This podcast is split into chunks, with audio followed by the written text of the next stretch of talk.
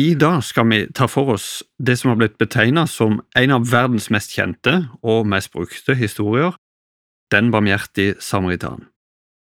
Historien kan illustrere mange gode poenger, spesielt knyttet til dette med barmhjertighet, men historien inneholder også mye mer.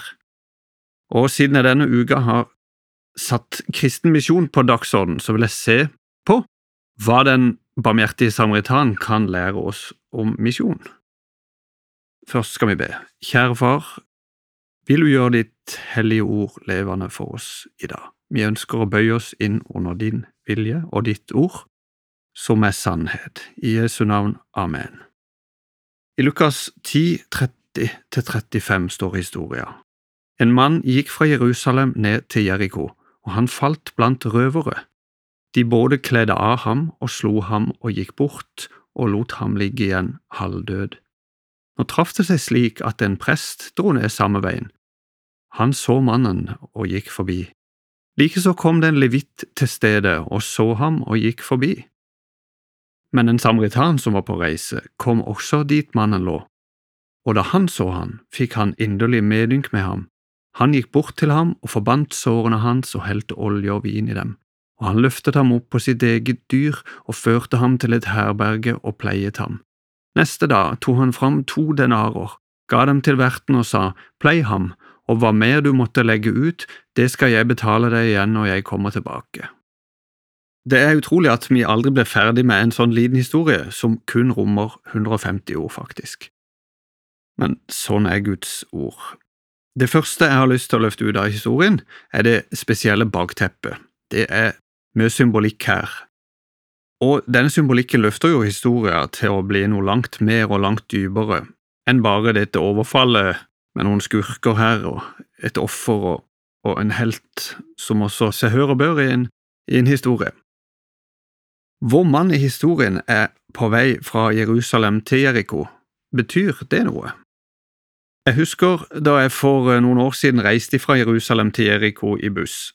Omtrent halvveis framme så stansa sjåføren bussen på ei høyde sånn der vi kunne se utover denne dalen, se ned på ruinene av Jeriko. Veldig, veldig tørt og trist dalstrøk. Denne dalen den var jo en gang veldig frodig, sånn som vi leser om da Abraham og Lot kom reisende hertil fra Negevørkenen.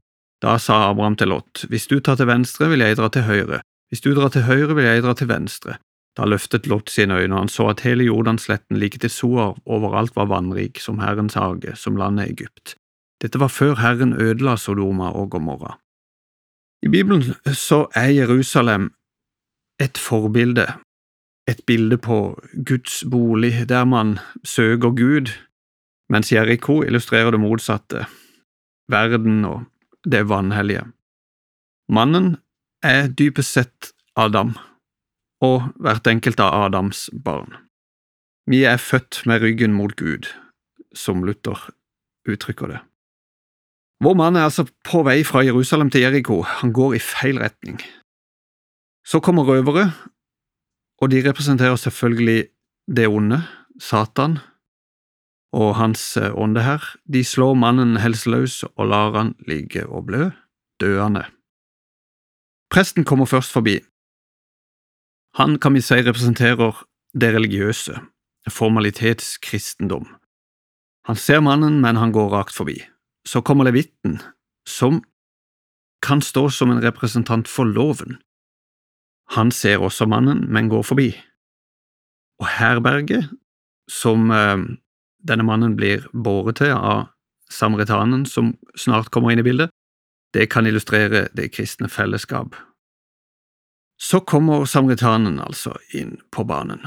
Noe som er verdt å merke seg her, det er at Jesus faktisk forteller denne historien som svar på et spørsmål ifra en skriftlærd som spør Hvem er min neste? Og det at Jesus putter inn en samaritan her, som jo er jødenes erkefiende, det er egentlig utrolig tøft. Martin Luther King, som eh, ja, han er jo en kjent menneskerettighetsforkjemper, han var også pastor. Han holdt en av sine mest kjente taler rundt denne historien her, og han organiserte historien i tre perspektiv, som hver for seg representerte en holdning. Røverne representerte ei holdning som heter det som er ditt, det er mitt. Røveren han tar fra andre. Og så kommer presten og levitten, som representerer det andre perspektiv, som lyder sånn. Det som er mitt, det er mitt.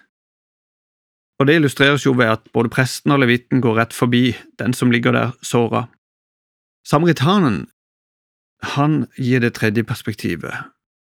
Det som er mitt, er ditt, jeg gir det til deg. Hvordan kan denne historien her illustrere misjon, da?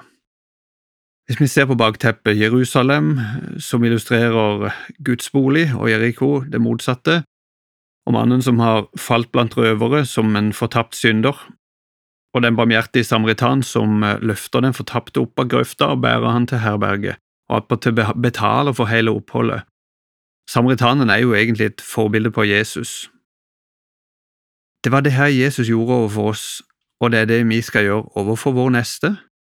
Når Jesus skal ta seg av en som er forkommen, så er det du og meg som er hans hender og føtter i dag.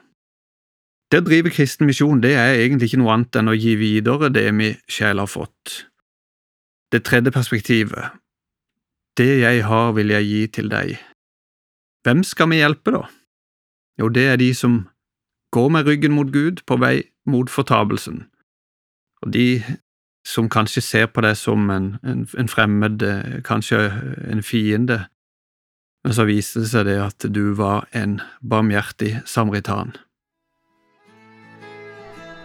Roald Arnesen delte Guds ord med oss denne gang i serien Over en åpen bibel. Den produseres av Norea Mediemisjon.